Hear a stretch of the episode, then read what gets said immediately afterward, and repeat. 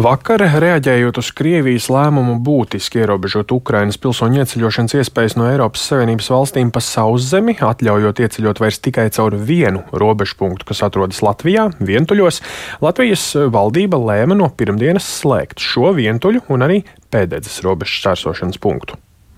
Kā vērtējama Krievijas rīcība, kā robežu punktu slēgšana ietekmēs situāciju uz Latvijas robežas, to un arī daudz ko citu jautāsim valsts robežsardzes priekšniekam Guntim Pujātam. Labrīt! Labrīt! Nu, vai Krievijas paziņojums tik ievērojami ierobežot iespēju Ukrainas pilsoņiem ieceļot no Eiropas uh, Savienības Krievijā ir um, kārtējā hibrīda kara forma? Kā mēs varam tulkot šādu paziņojumu?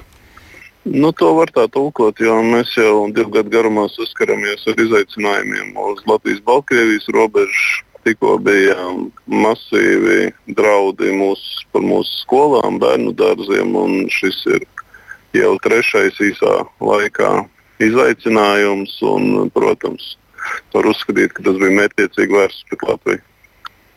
Un, eh, nu, kādi riski varbūt tika izvērtēti, kas tika ņemts vērā, nu, lemjot, ka tomēr pareizākā rīcība ir slēgt eh, šo robežu punktu konkrēti vientuļos šobrīd? Nu, pamat lielākais tas būtu Latvijas drošības apdraudējums, jo pierobežā koncentrētos ar pieaugušu tendenci tūkstošiem cilvēku, apzinot situāciju, ka no mūsu reģiona ap 600 vidēji izbrauc uz Krieviju un punkta caurlaidība ir 60, 70 cilvēki. Tas nozīmē, ka 500 cilvēki katru dienu uzkrātos robežu stūmā. Līdz ar to veidotos gan humānā katastrofa, gan arī neapmierinātība.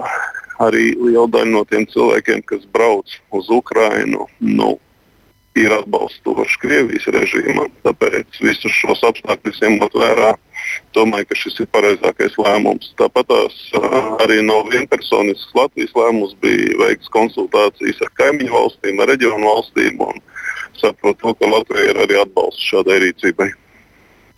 Saprotam par vientuļiem, jo tas bija tas punkts, ko nosauc Krievija kā vienīgo, kur varēs iebraukt pa, pa sauszemes robežu, bet kāpēc tiek slēgt arī pēdējais robežu šķēršošanas punkts? Nu, pēdējais punkts bija principā paredzēts tikai vietējai satiksmei, un ņemot vērā jau pieņemtos ierobežojumus Krievijas iedzīvotājiem bez būtiska, bez būtiska iemesla ieceļot Latvijā aizliegums, līdz ar to nav nepieciešams uzturēt tik mazu punktu, kur uh, satiksme faktiski nenotiek. Nu, kas tad ir iedzīvotājiem jāņem vērā saistībā ar šo vientuļu un pēdējais punktu slēgšanu? Kad tas notiks, cikos, kā tas notiks, varbūt nu, īpaši jā, lai saprotu tie, kuriem tas ir aktuāli. Notiks no 16. datumā 00. Proti, pēdējais ir 15. oktobris, kad vēl var izmantot šīs divas robežu šķērsošanas vietas, un no 16. datuma pusnakts tiks slēgts. Un eh, jūs esat gatavi arī tam, ka nu, cilvēki varbūt būs palaiduši garām šo informāciju, vai, vai citi būs dzirdējuši to pirmo daļu, kad, eh, kad vientuļi ir vienīgais punkts Ukraiņiem, kur tikt pāri, bet nebūs dzirdējuši šo daļu, ka jūs arī slēdzat šo punktu. Nu, proti, vai esat gatavi, ka tomēr tur veidosies kaut kādas nelielas cilvēku masas? Robežsardze jau vakar arī palaida paziņojumu Latvijas iedzīvotāju ievērībai. Šī iekšlietu ministrijas relīze tiks tulkota arī vairākās valodās - ukrāņu, angļu un tiks izplatīta ne tikai Latvijas, bet arī nu, starptautiskiem mēdījiem. Nu, personas, kuras ieradīsies, tomēr konstatēs, ka punkts ir slēgts. Sākumā varētu būt zināmi izaicinājumi. Vai šis lēmums neradīs milzu slodzi uz pārējiem robežšķēršošanas punktiem? Ņemot vērā, ka kravas automašīnas ne caur vienu, caur otru no šiem punktiem negaida, tā ir tikai iedzīvotāju pārvietošanās. Nu, skatīsimies, kāda būs nākamā Krievijas reakcija. Jo Ukraiņas piedarīgajiem Terehau Grebņevs punkti ir slēgti, līdz ar to nu, kopējās plūsmas nemainīsies. Mhm. Jo atkritīs Ukraiņas ceļotāji. Nu jā, un um, saprotot to lēmumu loģiku, aizslēgt vienīgo punktu, kas var radīt milzu slodzi, tomēr, nu, ja mēs pieļaujam, ka ir kāds Ukraiņas iedzīvotājs, kuram tiešām jau kāda iemesla dēļ ir jānokļūst Krievijā, vai šāda vientuļa punkta slēgšana, kas ir vienīgā sauszemes robeža, ar kur Krievija atļāva iekļūt Ukraiņiem, nu, nenozīmē, ka mēs kaut kādā mērā tomēr radam arī sarežģījumu nu, mūsu sabiedrotajiem Ukraiņiem. Ukrainas ārlietu ministrija vēstniecība aicina nedoties Ukraiņus uz valsti, kur ir izvērsusi agresiju pret viņiem jau vairāk, nu jau pusotras, divu gadu garumā. Līdz ar to tā ir Ukraiņas uh, valsts aicinājums ne, nedoties uz šo valsti. Un, uh, skaidrs, ka radīs nērtības atsevišķiem cilvēkiem, bet paskatoties kopumā, tas radītu ļoti lielu apdraudējumu Latvijai. Sīlenes punkts ar Baltkrieviju jau ir slēgts kādu laiku. Kāda tur ir tā situācija? Vai ir bijušas kādas problēmas, mēģinājumi šo punktu tomēr izmantot? Uh, nav iespējams izmantot. Mēs Silvijas punkts ir pilnībā slēgts, ir satiksme ir nobloķēta, ar bruņoto spēku arī atbalsta ir fiziski šķēršļi. Līdz ar to nu, personas ierodoties, konstatē, ka tur nav iespējams. Bet nu tā, ka tur krātos kādi cilvēki, kas mēģinātu tikt, tādas situācijas nav tur. No mm -hmm. nu, un, e, kāda ir varbūt pārējot uz e, šo bēgļu jautājumu, kas ir aktuāls ik pa laikam? E, kāda varbūt šobrīd ir aktuālā nu, tāda statistika dinamika? Pēdējā laikā jūs redzat, ka pieaug ir kādi pēdējā laikā jauni grupveida mēģinājumi pārkāpt mūsu valsts robežu?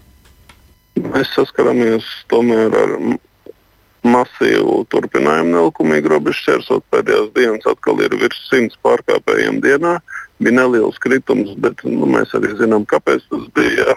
Kā, kopumā skatoties, izaicinājumi nav mazinājušies. Un jauns, kas ir, tad pārkāpēji kļūst ar vien agresīvāki. Kā tas ir agresīvāki? Uzbrukumu robežsargiem ir vairāk kārtīgi. Uzbrukumu robežsargiem ir mēģinājumi apmētāt ar akmeņiem no pretējās puses, tiek izteikti draudi. Uh, ir notikuši arī fiziski uzbrukumi, kur nu, nāks pielietot spēku, lai tos atvairītu. Bet nu, teikt, ka šie cilvēki patiesi bruņoti ar kādiem ieročiem, nu, kas ir vairāk par akmeņiem, tā, tā šobrīd nav vēl. Nē, ar šaujamieročiem nav bijuši bruņoti pēdējā laikā. Un kā visā šajā situācijā var palīdzēt uh, saimas uh, tikko lemtais, ka robežsargiem būs pieļaujams lielāks uh, virsstundu skaits? Saprotam, ka tas palīdz it kā iegūt vairāk darba spēku kaut kādos laikos, bet pārstrādināt robežsargus jau arī šķiet nav labākais risinājums. Protams, ka tas ir izaicinājums, bet faktiski, lai mēs efektīvi varētu izmantot tos resursus, ir īpaši resursi, kas ir īpaši apmācīti saskarties ar bīstamiem pārkāpējiem, bīstamu noziedznieku aizturēšanai. Nebija iespējams iekļauties tajā regulējumā, kur noteikts 54 stundas, ne, 56 stundas nedēļā.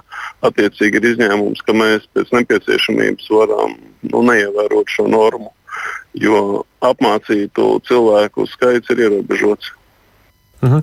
Un uh, vēl gribēju prasīt par uh, palīdzību. Baltija ir uh, solījusi, Baltijas kaimiņi solījuši un arī snieguši palīdzību. Kas, no, kas līdz šim ir piedāvāts un kas no tā ir pieņemts? Mums rotācijas kārtībā regulāri ir uh, robežsargu grupas gan no Lietuvas, gan no Igaunijas. Uh, bijām aicinājuši tieši, lai stiprinātu ar uh, dienestu suņiem, kas arī ir nodrošināts. Ir komplekss atbalsts, ir gan personas, kas patrulē, gan ir izmeklētāji, nu, proti, kas nodarbojas ar organizētās noziedzības apkarošanu, un ir arī speciālības atbalsts. Tad, nu, esam, esam saziņā, mēs definējam mūsu prioritārās vajadzības un uh, mūsu sabiedrotie Igauni un Lietuvieši mūs atbalsta. Arī gatavība ir izteikuši Somijas robežsardze, līdz ar to, ja radīsies nepieciešamība, tad griezīsimies arī pie Somijas robežsargiem.